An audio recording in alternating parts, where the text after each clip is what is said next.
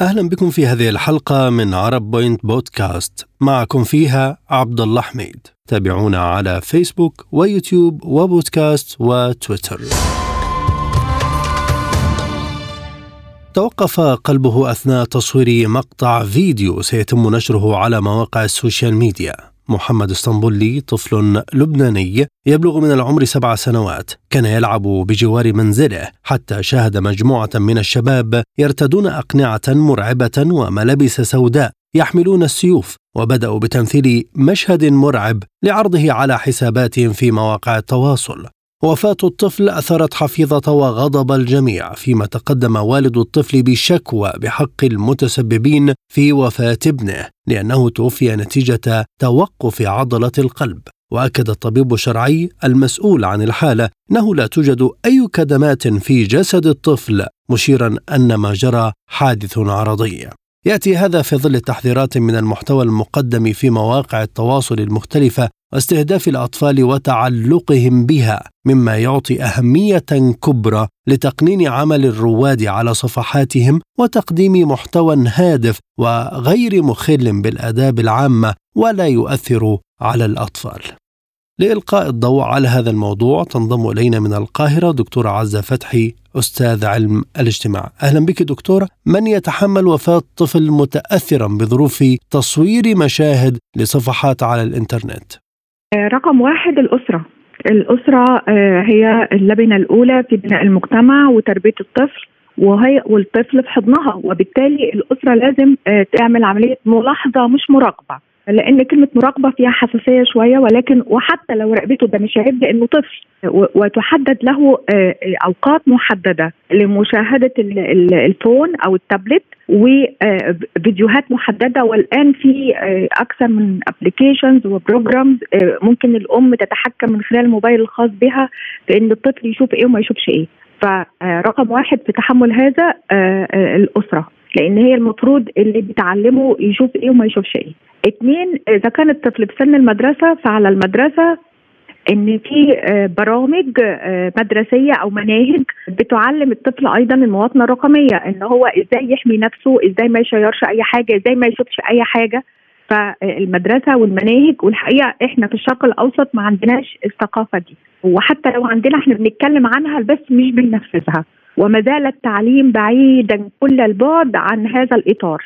يعني التعليم ليس للتوعية وليس للمواطنة الصالحة. للأسف التعليم في بعض الدول العربية لكي أكون بتكلم كلام موضوعي هو آه، تعليم من أجل الاستهلاك. ولا يعد حتى الإنسان للحياة ولا للمواطنة الصالحة ولا إنه ينفع نفسه.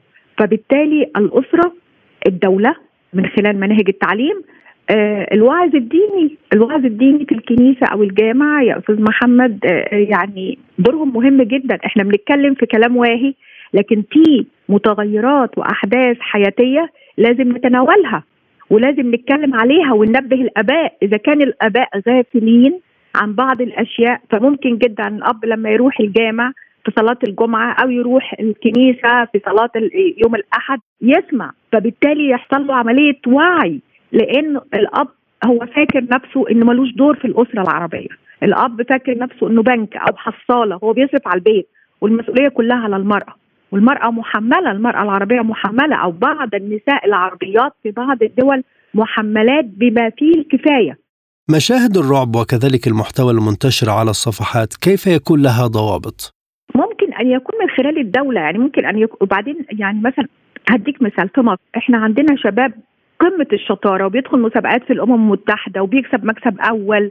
ممكن جدا نعمل ترشيد لهذا المحتوى نعمل احتواء لهذا المحتوى آه، آه، نمنع بعض هذا المحتوى. في حاجات كتير الدولة تتدخل فيها. يعني يعني شوف الصين ليها ليها ليها ليها شغل خاص بيها في الموضوعات دي. آه، روسيا الآن بعد الحرب الأوكرانية برضه ليها شغل خاص في موضوع الالكترون الإلكترونيك والحاجات والتكنولوجيا والحاجات دي. فممكن جدا لأن الموضوع زاد عن حده وزي ما قلت لك الاسره تخلت عن التربية. يعني يعني إحنا بنربي اولادنا دلوقتي بالدفع الذاتي. يعني هو هيكبر مع الزمن. هو بيتعلم من خلال جماعات الرفاق بيتعلم من خلال الفون بيتعلم من خلال فيديوهات. فقط الاسره العربية تترك ابنائها للخدم سيدي هل هل هذا لا يمكن أن يتم في أي بلد أوروبي؟ وبعدين اللي عمل الحاجات دي أصلا وعمل اللعبات الخطيرة أصلا روسي وكان دكتور نفسي وعارف هي إزاي دي بتتحكم بتتحكم في النفس البشرية. لكن مين أكثر المستهلكين ليها؟ مش الأوروبيين أكثر المستهلكين للألعاب والفيديوهات المرعبة أبناء الشرق الأوسط وأطفال الشرق الأوسط. ما هي الرسائل التي يجب أن تصل لصانع المحتوى من خلال التحول للسوشيال ميديا بشكل كبير في الوطن العربي؟ ما هو أحيانا صانع صانع المحتوى إذا كان عربي فهو المفروض فيه قيم وقود أخلاقي ما ينبغي أن يكون وإنه لازم يبقى عارف إنه المحتوى اللي بيصنعه ده بيتفرج عليه فئات مختلفة لأن في تسيب ما هو في في لكل مقام مقال يعني في محتوى يعني حضرتك فاكر الأفلام وما زالت. يقول لك إيه هذا المحتوى مناسب أو هذا الفيلم مناسب لسن كذا لكذا. المفروض ده يتعمل. يعني المفروض ده يتعمل. ما ينبغي أن يكون ده علميا واخلاقيا ودينيا وانسانيا وحقوق إنسان. وأنا أتمنى إن ده يدخل في حقوق الإنسان. لأن من حق من حق الإنسان إن في إنسان أوعى منه وأقدر منه وقادر على إنه يمنعه من أذى نفسه. أذى نفسه مش هو اللي بيصنع مشنقة لنفسه ولكن هو بيتفرج على محتوى ممكن يموت بسببه. فأنت بتضره أنت قاتل أنت قاتل. ولكن في قتل. آآ آه، آآ آه، آه، يعني أنا بديك السكينة وبقول لك براحتك. بعمل لك المشنقة الحبل بعلقه لك في أوضتك وبقول لك براحتك. براحتي إيه وأنا طفل؟ أنا دون السن. أنا الأب والأم مشغولين عني. أنا لوحدي في البيت. أنا مع الشغالة. أنا أصحابي جماعات الرفاق في المدرسة أو في النادي أو الجيران قالوا لي أتفرج على ده. فلما اتفرجت زي ما بيقولوا كده رجلي رجلي جت. خلاص فيديو بيجيب فيديو بيجيب فيديو. مع الوقت الطويل اللي الأسرة بتسيب فيه التليفون أو التابلت في إيد الطفل الطفل هو هنا ضحية. الطفل ضحية.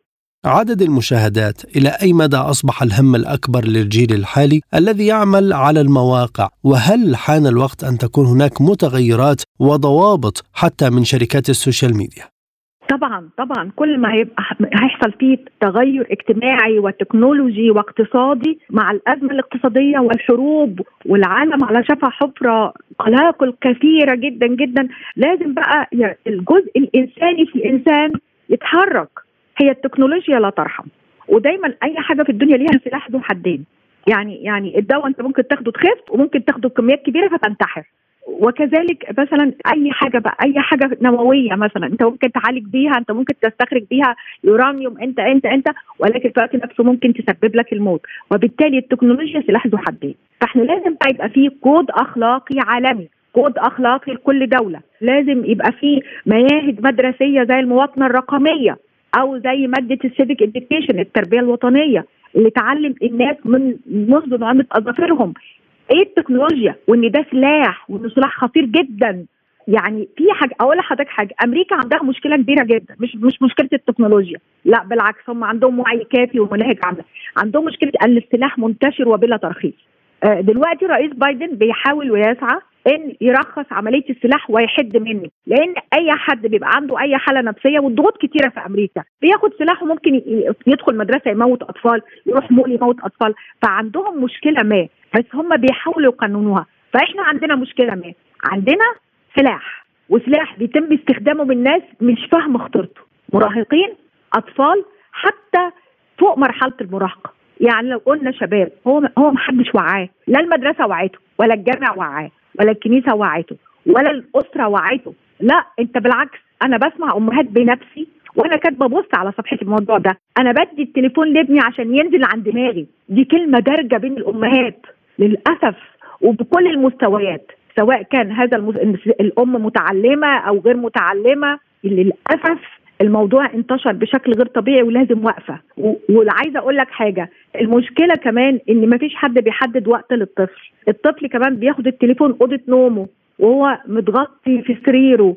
ده ده ينفع؟ المفروض في وقت معين التليفون بيتقفل المفروض في وقت للعب في وقت للأكل في وقت لممارسة الرياضة في وقت اديله ساعة وأحدد له حاجات محددة. تسن محدد لما هو يوصل لمرحلة النضج بقى في مرحلة المراهقة كده المتوسطة أو المبكرة بشوية لأن هي ثلاث مراحل مبكرة ومتوسطة ومتأخرة هو هيبتدي يختار وينتقي. وساعتها هيكون عنده التفكير الناقد اللي يعرف بيه يحدد الأولويات ويحدد إيه اللي يفيده وإيه اللي يضره. وبعدين الأطفال ساعات بتعاني من حالة اكتئاب.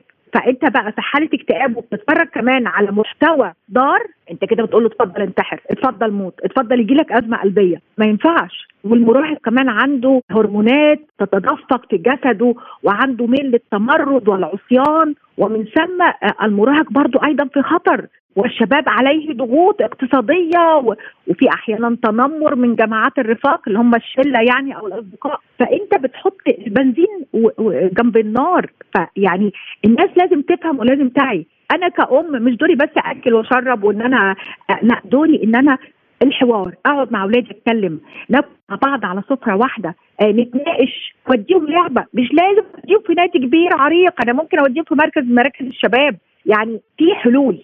في حلول كتيرة في حلول في يد صانع القرار في حلول في يد الواعظ في الكنيسة والواعظ في الجامع في حلول في التعليم والمناهج المدرسية في حلول بس نبتدي لأن الموضوع بيخرج من إيدينا في منطقة الشرق الأوسط للأسف. شكرا جزيلا لك دكتورة عزة فتحي أستاذ علم الاجتماع كنت معنا من القاهرة. من بيروت تنضم إلينا السيدة لنا قصقص المختصة النفسية والاجتماعية. أهلا بك سيدتي. هل يمكن تقنين ما يتم تقديمه على ال social media من محتوى؟ تقنين المحتوى على ال social media هو شيء مطلوب ومراقبة المحتوى على ال social media كمان هو شيء مطلوب لأنه عم بيصير في عواقب وخيمة على الأطفال وعلى الكبار وعلى جميع الأشخاص من جميع الفئات لأنه عم بيصير في ترندات أو الأمور اللي عم تنتشر بشر بسرعة فائقة عم تعمل تأثير كثير سلبي على الأشخاص. ومثل ما شهدنا امبارح وفاة الطفل بلبنان بسبب ترند اللي طلعت. فالموضوع يعني أصبح خطير بمحل من المحلات. ويجب نعم يجب تقنينه ويجب مراقبته للمحتويات اللي عم بتم نشرها. ماذا تعكس هذه المشاهد من خلال عرضها على صفحات الإنترنت؟ نعم. آه، كل كل المشاهد اللي بيتم عرضها على صفحات التواصل الاجتماعي وعلى الإنترنت تخزن باللاوعي عنا كأشخاص وبالتالي بيرجع بنيتنا النفسية بتستعملها كمخزون. وهيدا المخزون وقت اللي نكون نحن عم نعبي مخزون سلبي ومخزون فيه عنف وفيه مشاهد غير مقبولة اجتماعيا وفيه مشاهد تخدش تخدش الحياء وتخدش القيم وتعزز مفاهيم خاطئة. بصير هيدا لا هيدا المخزون مترجم بسلوكياتنا بعدين. لأن نحن مثل كأنه متلقين لهدول المشاهد. ومثل ما بتم تخزينها ويتم استعمالها عبر سلوكياتنا اليومية وعبر تعاطينا مع الأشخاص ومع ومع أطفالنا ومع آه، زملائنا بالشغل. وبتصير عندنا مثل تسامح مع هالمشاهد اللي عم نشوفها. يعني وقت اللي نشوف كثير من مشاهد العنف والترندات اللي خاصة بالعنف بصير في عندنا تسامح اجتماعي وتقبل اجتماعي لهدول المفاهيم. وبنصير بنمارسها بحياتنا اليومية للأسف. ماذا يعني وفاة طفل أثناء مشاهدته شبابا يركضون ويلبسون ثيابا آه، مخيفة ويحملون سيوفا في أيديهم خلال تصوير فيديو لنشره على صفحات ال social media؟ هذا هذا المشهد آه، لما يشوفه طفل حيكون في عنا استجابتين له.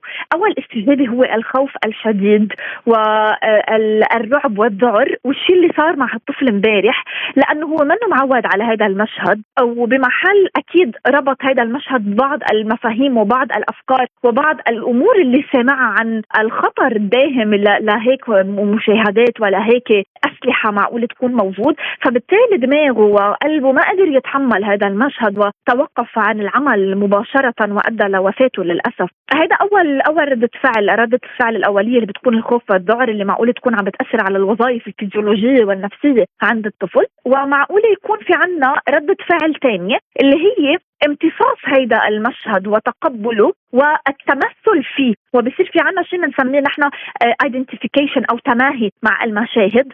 آه، وبالتالي شو اللي بيصير؟ بيصير بيعتبر هذا الطفل إنه هذا مشهد طبيعي أنا لازم أكون عم بقلده ولازم أكون عم عم بعمل مثله لحتى أكون عم بكون مقبول اجتماعيا. ومعقول نكون عم نشوف الأطفال آه، عم حاملين الأسلحة حاملين يمكن ما يحملوا أسلحة مثل اللي شايفينها بترندات معقول يكون عم يستعملوا خيالهم. وهذا الشيء الخطير لأنه الأطفال عندهم خيال كثير واسع فبيستعملوا أو بيكونوا أو بيعملوا أسلحتهم الخاصة فيها وبصيروا عم بيستعملوها وعم بيلعبوا فيها كنوع من الترند وكنوع من التماهي وتقليد المحتوى اللي موجود على الإنترنت. وهذا الشيء الخطر كمان يعني بالحالتين شو ما كان ردة الفعل هي خطيرة لأنه هدول مشاهد أصلا بحد ذاتهم مثل ما قلت ينافوا القيم العامة والقيم الاجتماعية ويعززوا على مفاهيم عنيفة وعدوانية.